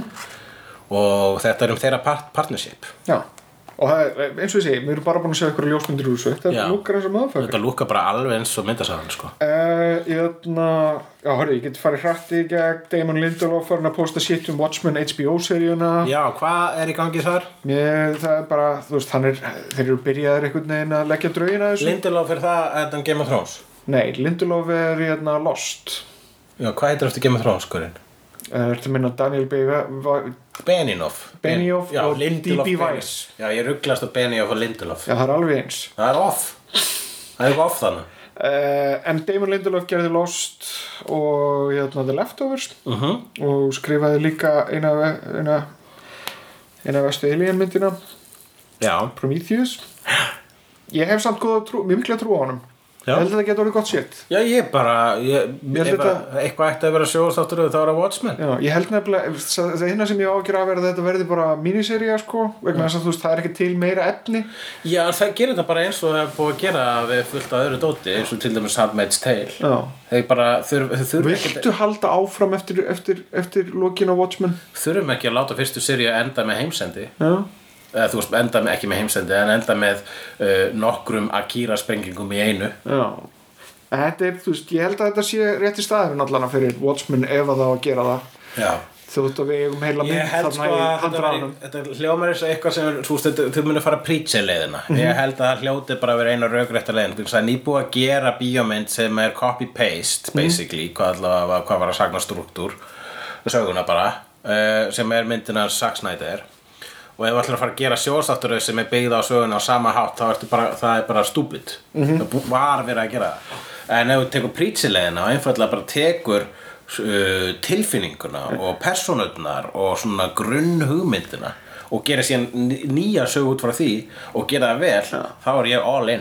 Þetta er endur eins og jötna, hann, Neil Gaiman var að svara aðdánda út af Good Omens sem að var með ágjörð því var ekki bara í lagi að, að láta þetta vera sem bók já, og þá svaraði hann ég lofa því að bókin er ennþá til já, akkurat jafnvel þótt að seri- serían verið eða sem sagt serían klárist og verið búin til bókin verður ennþá til Ég veit það, þetta er, þetta, er, þetta er mjög gott viðhorf eins og þegar kemur til mér léleg bíómynd byggð á okkur hvortum dæmum léleg um bíómynd byggð á já, League of From Hell Extraordinary Gentlemen from Hell ok, frá, við, þegar From Hell my- bo- myndin, þegar hún kom þá vorum við ekki bara, þú eiðilaði From Hell, nei nei, From Hell er þetta hann er ennþá í hún er bókartinu minni. stórkostleg snilld hún er ennþá. alveg eins og hún var síðast við þegar erum kýtti bara, hérna við erum bara reyður út í vanvirðinguna Nei, ég veit hvað, það voru, voru betri en hún var Hún battaði Þetta er eins og þetta með Robocop endurgerðina bara, Hún eiðilega ekkert Robocop upprunnuleg Hún gerði Robocop upprunnuleg að bet, Ég vissi ekki að upprunnulega Robocop gæti orðið betri mynd kannski er þetta bara vegna þess að þá finnum maður sér knúin til þess að horfa á þetta og eða tímanum í þetta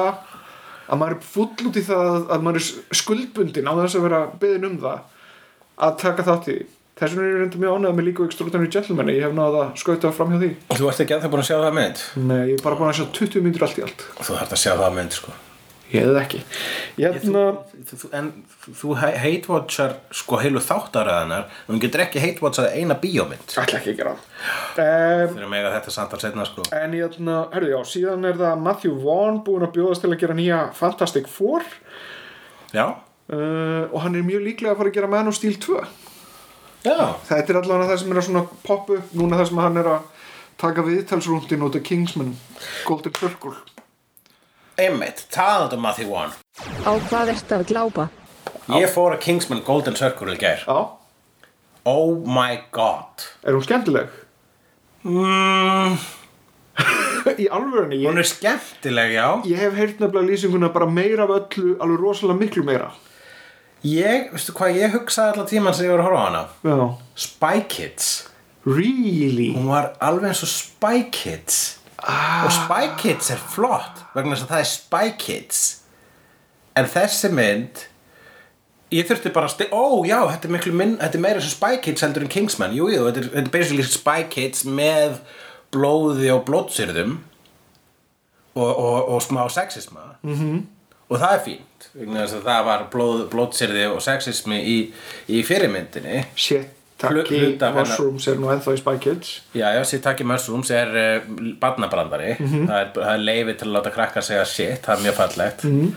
uh, En ég var bara svona uh, ég las, fór heim og las eins og ég ger oftir ég er búin að sjá mynd sem lætur mig hugsa og fer ég og les hvað hva Empire sagði um hana, Ok. það er einu dómaður sem ég les Empire, Fekk hún ekki fjóra stjórnum það er það? fjóra stjórnum Empire Mjög jákvæðan dóm Já, já, þau voru mjög ánægð með það. Ok, Ég var, ég, þú veist, ég ætla ekkert að sjá þessa mynd aftur, sko já, ok, þá setj ég hana í þingulista minn. Þetta hljómar eins og okkur svona sunnudags þingu. Þetta er góð þingumind og hún er margt flott í henni en það er, sko, það er margt lí- þú veist, ég held að segja jafn margt gott í henni og er slæmt Já, þetta er eins og, þetta er eins og þarna King Arthur myndir hans King Guy Ritchie. Ég horfði á hana í þingu, Já. leið mjög vel með hana. Já, það, það- hún er, ég myndi segja að King Arthur myndin sé betri heldur en Kingsman 2 Ú, vegna þess að e, það er sko í, það er hljumins undanlegt dæmi með um, uh, það er að droppa hérna alveg þremur bara potthjötu leikurum Channing Tatum og Halle Berry og Jeff Bridges þau gera ekkert þau gera ekkert í myndinni já,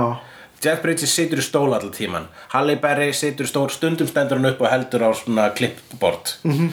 og uh, Channing Tatum er í kóma mest allan tíman Þetta er, ba- ég skil ekki hvað er í gangi í þessari mynd en útlitslega og hugmyndin bak við amerísk útgáðan Kingsman sem heitir Statesman Mhm. og í staðan fyrir að vera dulbúnir sem fatabú þá eru þau dulbúnir sem uh, viski brugg já.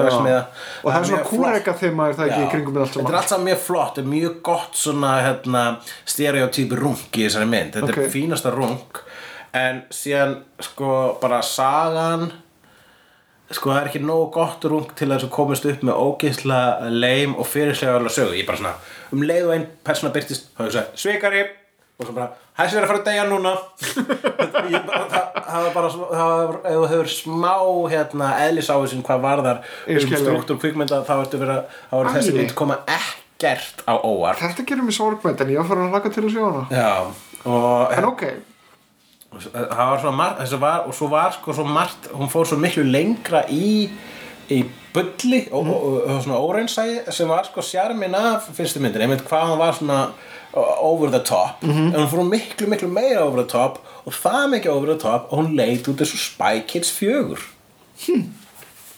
Damn Þannig að dómurinn þinn er eins og Spy Kids bara ekki ef góð Eh, pff, sko, að- þetta er ekki Spy Kids fyrir fullorna þetta er Kingsman fyrir börn Alright, alright Ég var að vonast til þess að þetta væri franchise sem mætti meira í sér En ok, ég ætna um, Já, herðu, ef þið langar til þess að hreinsa palettinn á Jeff Bridges uh, Tjekka þá hérna Hell or High Water Já, ég, það, Þú ert búin að sjá hana, ekki? ég, það var eina myndi sem ég mældi með á síðustu óskarsvælunum Já, hún var frábær Ég var að sjá hana bara núna fyrir mánuði síðan Ógeðslega góð Þrjusu frábær Ég ætna, herðu, ég er aftur á móti búin að vera að horfa á Orville Því Orville þættina sem að Seth MacFarlane er að gera Já, ég er ekki búin að sjá sekundu að þeim Já, uh, ég ætla að reyna að segja bara sem minnst þá til þess að spóila ekki en uh, mín niðurstað eftir, eftir þriðja þátt þriðji þáttur er bara solid fucking Star Trek þáttur bara svona alvöru góður Star Trek þáttur Já, þetta, þú sagði mér þetta í uh, skilabóðum og ég hef síðan þá verið að velta því fyrir mér er það gott?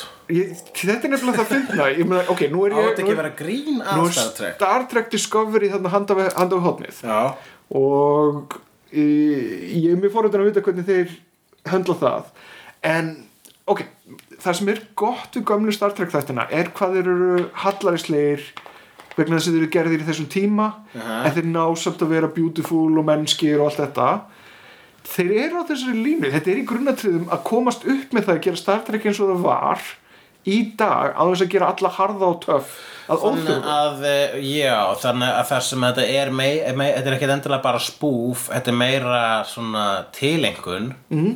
og jafnvel uh, ást og svona Þetta er bara le- le- rip-off, þetta er rip-off með, með nokkrum lílugum bröndurum inn á milli. Ok, þannig að þetta er slæmt Nei, Ok. þetta er nefnilega, þetta er gott Star Trek. Þú segir eitthvað sem rip-off með, lé- rip-off með lélögum bröndurum, Já. það hljómar ekki sem meðmæli Rip-off er hlutin á við um það að þeir eru í grunnatrjum að taka allt Star Trek konceptið wholesale og endurgera það Með lélögum bröndurum með, með, með lélugum bröndurum innan í en það voru aldrei góði brandarar sérstaklega í, í Star Trek sko. Nei, en ég, Það voru reyndar ekki brandarar. En það var heldur ekki auðlýst sem grín Það En átti þetta er ekki ekki- að vera grín en þetta er á að miklu vera grín, nær- Þetta er selt sem grín Já, og það þetta er er selt miklu- miklu... farlein og fucking alhutur í þessu Hvernig verður það? Þetta er miklu, miklu nær því að vera Next Generation heldur undir nokkuð tíman að vera Galaxy Quest. Ok, er þetta þá ekki svolítið misetnað? sem spoof, já. en sem carbon copy af Next Generation Star Trek frekar vel hefnað Ok, þetta hljómar eins og einhver svona nörda ætlaði að vera fyndin og var bara nördalegur já, en, en þetta er furðulega, þetta virkar vel mér finnst þetta, mér finnst þetta ég er bara frekar ánæður ég, ég er búin að horfa á þrjá þætti og ég klakka til þess að meira Ég þarf að tjekka á þessu uh, en ég held líka að ég sé búin að átta mig á því hvers vegna þetta er svona nálægt sossinum og það er vegna þess að Shannon Braga sem er sem sagt hérna, einn af uh, höfundum á Star Trek Next Generation og er búin að fylgja því fransesi í langan tíma hann er uh, co-producer og leikstjóri til dæmis að þriða þætti uh, þannig að þeir, eru- þetta er alveg með Star Trek DNA Já, ok, ég þarf að dæmi með þetta sjálfur sko Ég er bara, ma, uh, uh, uh, ég hlakka til að sjá þetta Já. talaði við með þetta þriða þátt Ég tala við þig eftir þriða þótt Ég ætla ekki að yrða á þig Fyrir en ég er búin að horfa á þriða þátt Þannig að þetta verður skrítin endur á hætti Djók uh, Ég, hérna, langaði til að segja það að Ég horfði nýlega á uh, Pet Sematary já, Og þá datt mér í hug Best og vest. Stephen King bíómyndir Ok Ok, það skilur mér svolítið eftir uh, Jörna Ég er hérna með Óundirbúin. lista ef að vilt með hérna. Nó, frábært Uh, við erum hérna með þetta í stafrósur hérna, apt pupil er þarna óvarlega sko, mér, Mhm. mér þótt alltaf pínu vænt um hana, hann, eh, ég með Kjellefa frábær í henni og einnig Brad Renfró sem dó en enginn tók eftir að hann dó vegna þess að einhver frægari dó að saman tíma sem ég man ekki hver var hm. uh, Mér finnst Kristín alltaf solid Mér finnst Ég veit- Kristín nefnilega alls ekki solid Já, Mér finnst já, að þeir- vera, af öllum 80s, mér finnst að vera versta 80s uh, John, Við höfum, við höfum tekið þetta samtal áður Við höfum tekið þetta Já, samtal já, áður en ég- Þegar að núna John erum við- Carpenter dó þá tókum við alveg langt spjall um Kristín Ég stend við mína skoðun Hvenar eh, dó John Carpenter? Fyrirgefið þið Hva- Hvað var það? Það var ekki, nei John Carpenter er lífandi Já, já. Hvenær var það? Þetta var einhverjum draumi Já, ok, þetta var vandræðileg Og líka, við megum að lega sömu samtölun aftur Já, ok, en Kristín Kristín, að það sem ég ætla að Já, segja nei, Ég við ég lesta 80s John Carpenter myndin Ég ætla bara að segja það Já, setningu nei, Við tókum best og best John Carpenter einhvern tímann ætla ég að segja Já, og æ- ætlaði ekki að segja ég, Ég- ég bara draf John Carpenter í hustum á mér já hérna, Kannski varstu bara nýbúin að horfa á Ghost of Mars mögulega en hérna ok, höldum áfram Uh, já, en uh, ég, ég heldur þurfa að horfa aftur á Kristín félagi til að fatta það og hún er ekki góð það er bara ekki það langt síðan, mér Hún finnst er hún alltaf ekkert góð skeri bara, hún er ekki skeri, hún er bara góð mér Hvað er gott við hana? finnst hún bara góð mynd Já, en ennur segjum hvað er gott við hana þarna kannski er þetta bara að ég Kvikmyndarýnir næ heim. einhverju tengingu við einhverju æsku uh, þegar ég horfði á hana fyrst og hún hrætti Ah, mig í nostalgía, drasla Akkúrat, mögulega akkúrat. Þannig alls sama hafðu góð eins og uh, Orwell er góðir Star Trek þættir vegna þess að þú eru eins og Star Trek var einu sinni oh my god, er ég í memberberry í landi Þú ert í Memberbergislandi um, ná, það má ekki sjá Shining og Shawshank Sko, Shining er næstuði bara eins og að maður spyr, spyr, það er svona Dark Knight uh, Stephen King mynda, maður- eins og maður spyr hvað er best og versta Batman myndin, bannað að segja Dark Knight Já, ég ætla samt að segja Stand By Me að Stand By Me sé best Já, nei, Misery Misery, Stand By Me Ég myndi segja ah, Ég held að Misery sé Ef við förum í horror elementið þá er það Misery En mér er Stand By Me bara frábær mynd Já, sjásag, fyrsti sjásag Redemption ekki betur en Stand By Me ef við erum að taka ekki horror Jú, öruglega En samt, það er eitthvað pjúr við Stand By Me Já, ok, ég held að sé langsniðastöðu fyrir mig uppáhalds Ok. vegna þess að Shining er obviously best hún bara svona, hún er það vísindilega best Já. hún er svona, ef Bannaði að segja Shining Já, bannað segja Shining um, Ég horfði að Pet Sematary aftur og hún var, ég var viss um að hún var þarna mjög ofalega og hún er það ennþá en hún eldist smá illa en er, Já, það er hún enn- er samt svo æðislega nastí Það er atrið þarna það King sem að, skrifar handrit á þeirri minn Já, það er atrið þarna það sem að litli krakkadjöðlinn sker á, á Já, krakkinn sker á uh, hásinuna hásinuna. það er ógeðslegt um, nú að sjá, Achilles tendon um, sko ég, ég málið það, það er langt langt síðan ég síðan en Maximum Overdrive sem að hefur löngum verið talið Ég horfði á rosalega hana slæm fyrir svona hálfa ári síðan hún er svolítið skemmtileg bara hún er svo skrítin Hún er aðtiklisverð vissulega Mhm. en hún er já skemmtileg svona eiginlega í sko svona so bad it's good dæmi Mhm. mm. hún er nefnilega algjört drasl og King leikstýrði henni og hann kennir kókaini um bæði við King skrifaði Cujo á kókaini Já. hann hérna vaknaði bara eftir eina helgi með hérna við hliðin á fullt af svona blóðnasa tissjói mm -hmm. og heilu handrið á bók og mann ekkert ætlaði að skrifa hana ég hugsaði, er þetta hægt? er bara hægt að taka allir mikið kókain læsa sig í sögumbústað og skrifa skáldsögum sem setna verður ekki bíómyndur sem að mammans E.T. leikur í mm. ok en, uh, síðan, ok, ég man eftir endur eftir því að Graveyard Shift fannst mér ógeðslega leðileg já, hún er slæm Dead Zone er solid það er rosalega margar góðar uh, rosalega margar mið og pff, það er rosalega margar slæmar maður Dreamcatcher er líka svona mynd sem er næstu Dreamcatcher er hræðileg. hún er svo slæm að hún er skemmtileg sko. The Langoliers hvað, það var ég las sjónvarsmynd bókina er það The Langoliers þarna? ég er ekki að finna hana hún var sjóvarsmynd sko. ég veit ekki hvort að hún sé hérna á þessu lista já, en ég, hún er mjög slæm Dreamcatcher er vestamyndin já, ok hún er rosalega slæm uh, ég man Það er aldrei gert eftir að mynd hafa eftir Gerald's Game það stendur hérna hún er ný hún, er, hún var já, hún var aldrei út. 2017 Já, og ég var að lesa dómum hana bara áðan Já. og hún var bara veist að vera masterpiece sko. yes ég varst ógeðslega skemmt hún, hún gerist allan, tí, allan tíman í einu herbyggi í einu herbyggi konar hlekki við rúm vegna þessa og bókin byrjar á því að kallin, ma- kallin hennar fær hjarta áfall Já, þau eru, að, þau eru að gera svona eh, kynlífsleik já, hún er lekkju í rúmið, hann far hjarta áfall restin er bara sagan um, Ég ætla að segja, leiðilegust Hearts in Atlantis Las ekki bókina, ekki síðan myndina sá myndina og Þorri, bróður minn, las bókina Við fórum saman á hana mm. Já, ég myndi, ég gaf Þorra bókinni í jólagjöfu ykkur tímann Já, og hérna fór síðan saman um myndina og hann bara, já, bara það er allt skemmtilega sem var í bókinni er ekki í myndinni sko, vegna þess að myndin fjallar um bókin fjallar um sérst, uh, ungan dreng sem vingast við gamlan nágranna leikina af þannig Hopkins í þessari mynd Já. og svo kemur að ljósa gamli nágrannin er úr einhverjum öðrum heimi og það er einhverjum dulafullar myrkar verur á eftir honum, eitthvað svo leist svo eins og apt pjúbil þegar að játna, hann er uh, ungur drengur vingastur nágranna sem reynir sem vera nasisti Já, já, nema þetta var ekki, það var hann ekki vondur nasisti -hmm. og þetta var svona yfirnáttúrulegt. Það var vist allt yfirnáttúrulega tekið úr myndinni mm. og hún var bara svona um vináttu ungstrengs og, og manns og bara, Holy shit, og hann var eitthvað smá skegg eða eitthvað. holy shit, The Mangler Ég man eftir að sé þá mynd á Vaffa S eitthvað tíman Já. Það var skrítin mynd já, ok, ég ætla að segja Hearts of- Hearts in Atlantis, ég veit, sko, svo sem burt sér frá, Dreamcatcher maður, á- alla leið spurt sér frá því hversu Hearts er, eh, hversu faithful hún er, hún var bara leðileg mynd, en eh, best uppáhalds mín er by far The Mist. og ég horfði á fyrsta þáttinn í The Mist þáttunum sem að eru á Netflix Já. og ég gafst upp Ekki málið Nei, ég var bara næstu, þá var lína tíu mínútur og ég var að býða eftir að, að þetta fólk myndi deyja Það er skama, mikið af játna, flottum ljósmyndum frá því Já, en taknibættin er líka svolítið mikið sí- svona augljóslega, svona s- s- CGI splattir Já, ok Ég þóla ekki CGI splattir, minnst aðstæðlega CGI skrýmsli Það þarf að gera vel, sko En splattir, þú veist, þegar það er svona, þegar maður sér bara, að það vantar ekki það, Já.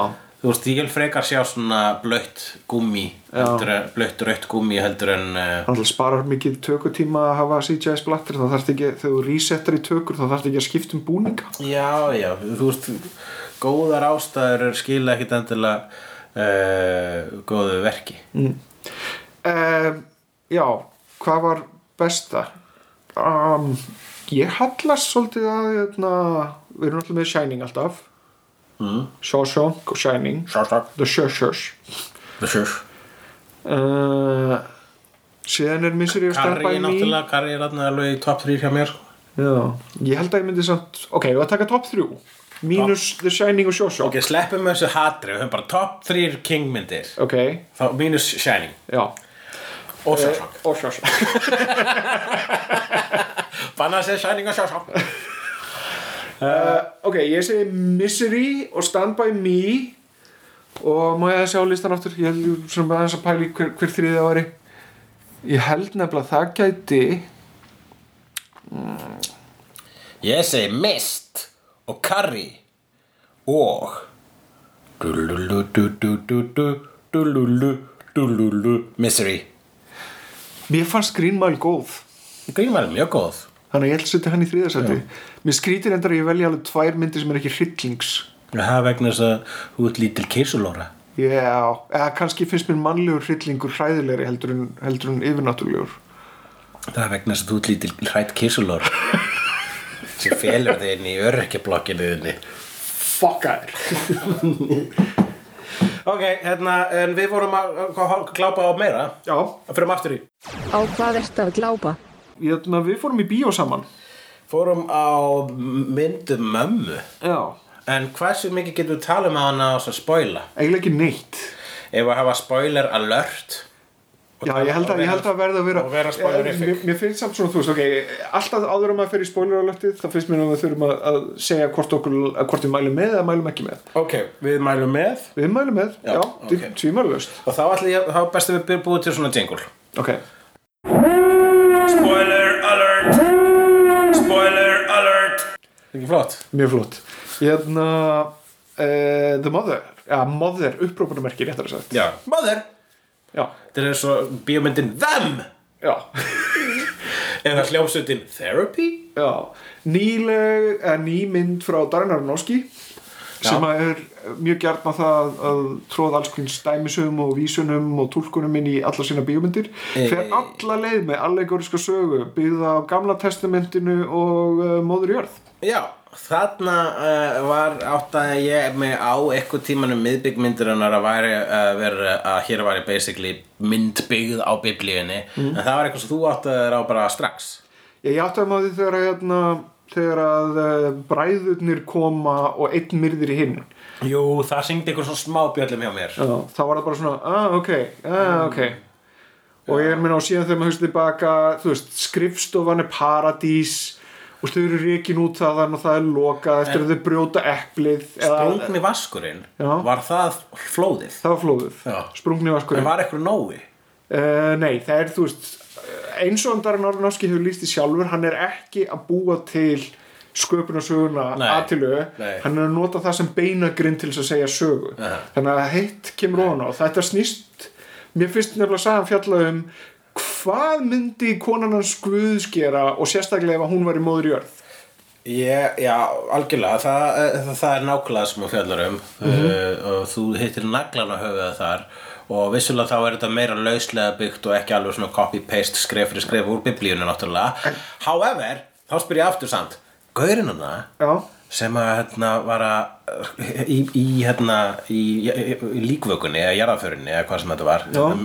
uh, erfidrykkinni já, hann e, þegar hann sem er svona kemur upp að, að, að máður og segir bara hei hana þú ert sætt viltu ko- ef hérna, að koma eða hann kottu fyrir mig burtu er það ekki djöfullin eða þú mögulega. veist snákurinn Ég heldur reyndar að ef, ég- ef það var snákurinn eða einhvers þar þá væri það þetta creepy shit sem hann var í klósettinu, en ég veit það ekki. já ég meina snákurinn var samt hann er freistari og Já. creepy sitt í klósitinu var ekki að freista hennar Ég ætla samt að segja, segja eins og er, mér finnst það hættulegt að fara einmitt að, að fara í vísanabingo. já það er mjög hægt Ég held, að, ég, held að við, ég held að við tínum okkur í því frekar Við getum- heldur en að við skoða getum- um við hvað það getum veitt fjallar. við Mögulega. ættum að passa okkur Ef við förum í of mikla fimmleika til þess að reyna að setja skýring á hverja, hverja eina einsta atriði, þá kannski tínum við hvað ásetningurinn er. rétt er það minn kæri vinn Já. Og, en ég meina að við erum náttúrulega með síðan fórnina, uh, sem sagt Jésu, Já, já. það er mjög stórt atriði. Það er, það er atrið sem að eh, hel, gera það að verkum að fólk uh, gefur þessu F í þessu hvað heitir að cinema Sinum að skor. cinema, cinema það score er skorið sem að, uh, er gefið út af áhörundum eða sem sagt áhörundur gefa myndinni eftir að sjá hana Er það eitthvað svona sem að bara fólk fer beint á cinema score eftir að hafa... byrju, Nei, hvernig þetta það? er vanlega fólk spurt af einhverjum, einhverjum könnunar aðilum Að fólk um sem- leið og það gengur út af myndinni hvað- á skalanum A til F skilur, hvað gefur myndinni Já, það er bara fólk sem bara situr um áhörðandu fyrir utan bíó. já, þetta er áhörunda skor raunverulega. Já, akkurat. og hérna Það, ég get alveg skilið það að margir eru bara, þetta var ræðilegt. já, Vegna þess að það bara, við horfum á barn, háls, unga barn, Já. nýfætt unga barn, hálsbrotna. og rifið í sundur og getið Já, við sjáum ekki það að reyfið sundur, við sjáum fólk allavega að geta það. já, En ég meina þú veist. blóðuð upp um kjaftið Já. líkama krist Mhm. En jötna, e, þannig að já, það er alveg haugur að triggerum og svona. Það er mjög flott hvernig þetta er alltaf skotið frá sjónarhóli hennar, hann er upplifun. Mér langar til dæmis, ég er ekki ennþá búin að, ef við förum í vísanir, ég er ekki ennþá búin að átta mig alveg nákvæmlega á því hvað þessi blettur í golfinu var.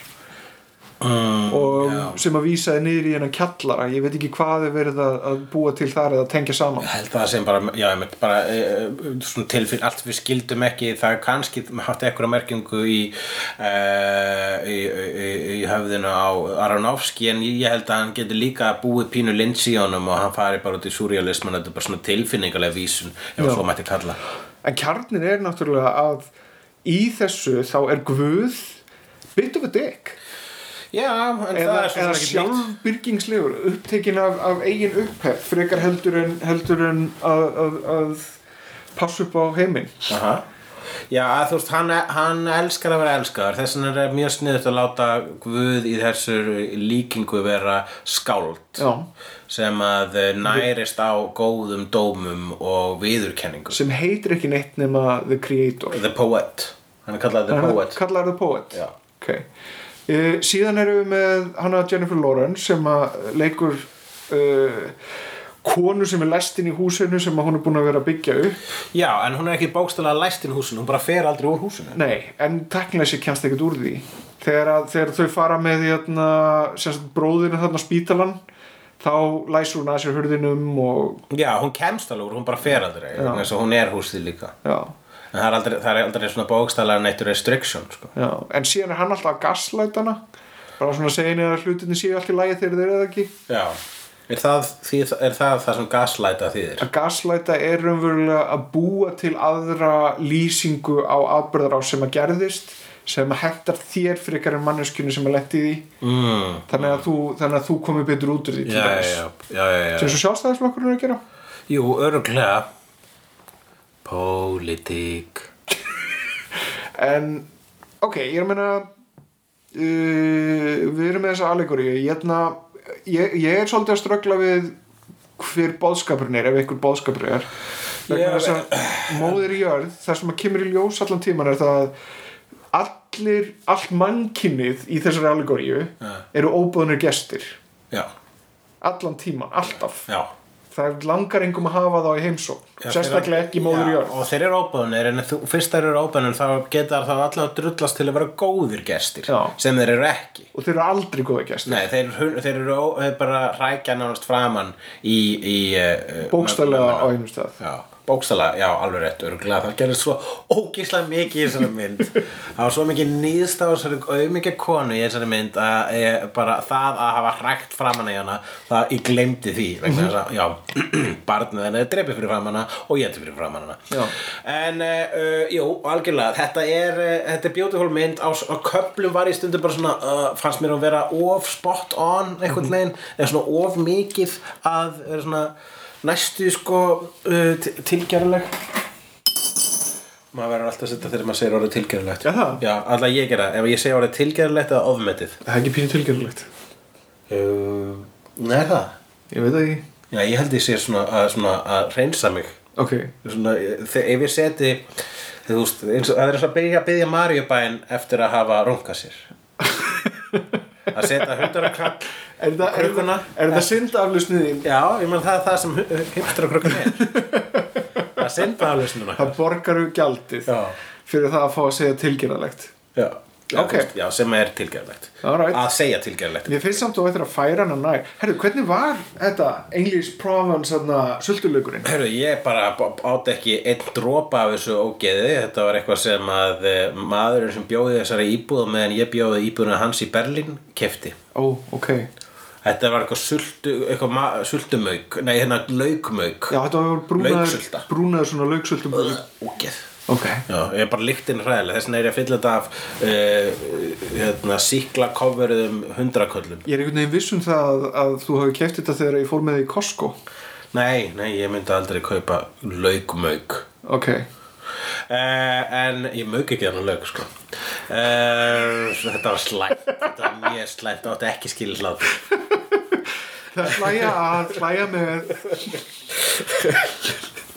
Eh, En uh, já, mér fannst hún vera Mér þóttu hún vera tilgerðanleg stundum Mér fannst hún stundum vera að segja Hún er það, Of- hún er tilgjörlega á Já. köflum, hún er on the nose á köflum Hún er var of- svolítið svona hún eins er og of- leikhús leik, leikarit sem er svona ha, fattar hvað ég er að segja Nákvæmlega. ha, fattar þetta nefnilega er svona stundum í samfélaginu, fattar Það er alveg verið að öskra til, til the cheap seats Já, og einmitt þegar ég kom út af myndinni þá og áður en að þú varst búin að útskýra hefði augljósa fyrir mér þá hérna Var, leið ég, var mér þetta svona, var þetta svona eftir á að hyggja þegar þú útskýraði mjög þetta með Adam og Evu og allt var ég bara svona "Ah, auðvitað en uh, þegar ég var að labba þegar hún labbaði í gegnum stjörnutorg Já. uh, þá var ég, hugsa, þá leið, var ég með tilfinninguna um að einhver hafi verið að öskra á mig skilabóð einhver að darinnar norski þegar komið og sagt svona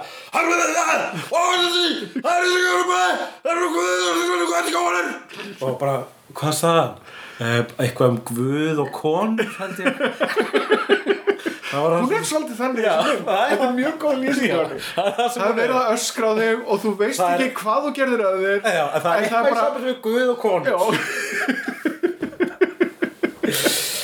Eh, Þá langar mér til að koma með ný, nýjan lið já, Með tvær í takinu.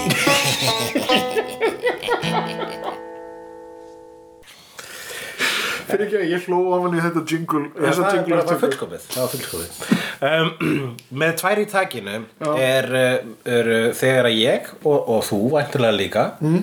Ég held samt að það verði mest megnist þú Þú ert með þennan lið svolítið svona púslaðan út í hau- hausnum á þér sko. ég, ég er ekki með neina svona núna skemmtilega tvennu sem að mitt eftir í hug strax Nei, það er líka vegna þess að ég er meiri bíómynda áhörðandi en þú vissulega Þú, við höfum við ætlum að, ræða- við höfum að hafa þetta eitthvað svona málefni dagsins er þarna þetta- Akkur, akkur velja sjónvarfram í bíó og þú Já, við áttum einu svona mjög skemmtilegt samtal ég ætti að fá það skiptum sem að þú varst fullar en ég Já, uh, held ég eina skiptið held ég það var einast, ég naut þess svo mikið ég verið svona kom og sá að það varst fullur og ég bara, ég ætla að drekka vatn í smástund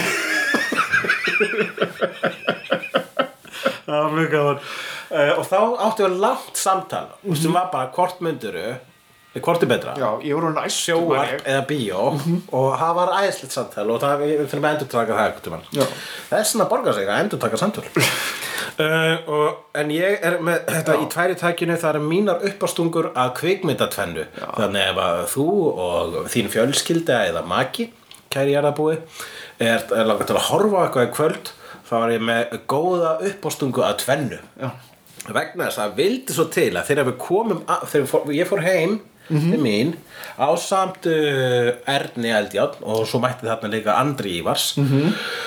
uh, og þegar við komum heim þá ætlaði ég að fara að horfa á vídeo og var búin að skipulegja, var búin að plana að horfa á allt aðra myndir People on the stairs og hvað var, hvað var ég hinn? var búin að t- plana að horfa á Tony Erdmann og People Under the Stairs það Nákvæmlega. átti að vera tvenna Já, já. kvöldsins en vegna þess að við vorum nýbúin að horfa á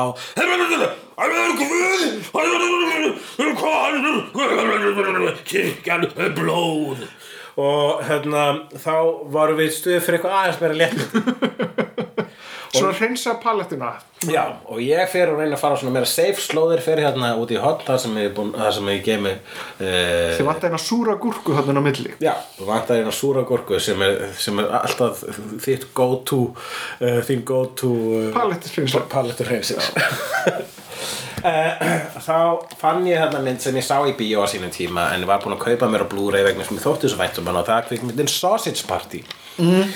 og ég sagði strákar eru þið búin að sjá Sausage Party og þeir bara nei bara, við horfum á hana núna og um leið og við byrjum að horfa á hana þá mundi ég hvað svo mynd fjallar um og Örn var bara wow, þetta er bara um það sama og við vorum að horfa á vegna þess að Sausage Party er líka mynd um trúarbröð Já. hún er ekki alveg bara um e, e, biblíuna og, og hérna, hérna, kristnu trúarbröð eins og Mother er en hún er um trúarbröð vissulega og eh, um hversu fáranleg þau eru mm. en líka útskýrir hvers vegna þau eru til í frábæri myndlíkingu með fjalla basically um það að það eru matvörur í búð sem trúa því að þegar að, þau- þegar að guðinni koma og velja þær þá fara þær með þetta til paradís -hmm. en ef maður fara ekkert með þetta til paradís þá fara þær með þetta bara í dauðan í opin dauðan, þar sem þau eru söksuð niður og jetin -hmm. og, uh, en til þess að hérna, en það eru þarna vörur í þessari mynd sem eru uh, vörur sem að renna ekki út sem mm -hmm. vörur sem hafa verið í búðina í lífu það er viski og það er tvinki og það er eitthvað grits Já. og allar, allar, allar personur basically í þessari myndir eru rasískar stereotypur sem myndir super racist sem er eitt af það besta við hana Sexist, racist, hún er með það allt já, saman hún er, ó- hún er, Hún er mjög, hún er svona- mjög Hún ist skammar sín ekki neitt fyrir Hún er- það að, hún er að- bara- að fenda hún er svo ist að hún er bara lengst út í hodni Ok, Mhm. og uh, hún er bara svo á brúninni hún er svo ist, fattur þau, ist eista brúninni ist á brúninni uh Mhm. alveg uh, já, og, Og þú horfir á þetta í Já, og ki- Þessar tvær myndir í einni kipu í basically einnum kippu þannig að ég Tvær í takinu já, tvær Hvað er í tækinu? Þetta er, þetta er, þetta er, svo- þetta er bara perfektist nafn og þá hérna ég legg til að fólk fari á já ok, núna er ég bara samt búin að skemma vegna þess að fólk sem að er Já, nákvæmlega Að hlusta. Er líklegast tilbúna Já, þú getur ekki fengið óvæntu upplifununa Nei. já, en Mm. alltaf setna Kanski samt skilur er það, þú veist, ef þú horfir að hluti hlið þá náttúrulega upplifur ákveðna svona einhvern ákveðin samruna Já, þú veist, ég- ef að- tilfinningarlegan samruna ég er basically bara að spoila báða myndunum en ég spoila, við erum bara að spoila sko móðir alveg í hakk Já, við erum búin að eyðilegja hana fyrir alla sem langar til að sjá hana samt ekki, þetta er alveg upplifun sko já, já en uh, ég legg til, uh, ég finnst bara góð tvenna ég reyna að koma með betri tvennu næst sem að virkar fyrir fólk sem að, þú veist, sem virkar í saminginu Ætti- Þetta var, ætti- þetta var illa útugsa hjá mig Ætti tvær í takinu þá að vera í grunnum trum Ég menn með að horfa á þessa mynd og þessa mynd báðar í röð Takk fyrir. Já, mér kannski svona meira minna spoiler fix, hvort sem meira svona eins og þegar þú varst að lýsa uh, Orville Já. Ok. uh, Já, allavega, það er gott venna uh, var, Þú varst að tala um eitthvað málefni dagsins Uh, við gerum það bara setna. Ok Óknarbjörn má alltaf sjá Í Reykjavík Á landinu um loftin blá Líka á sænum Hættur og háski Hlátur og gáski Hefnendur Í Reykjavík Hefnendur Í ævintýrum lendar þess Hefnendur Hefnendur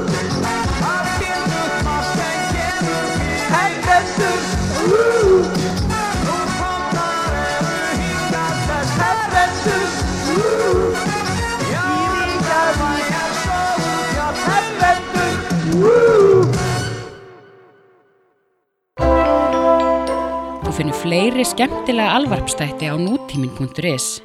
Takk fyrir að hlusta.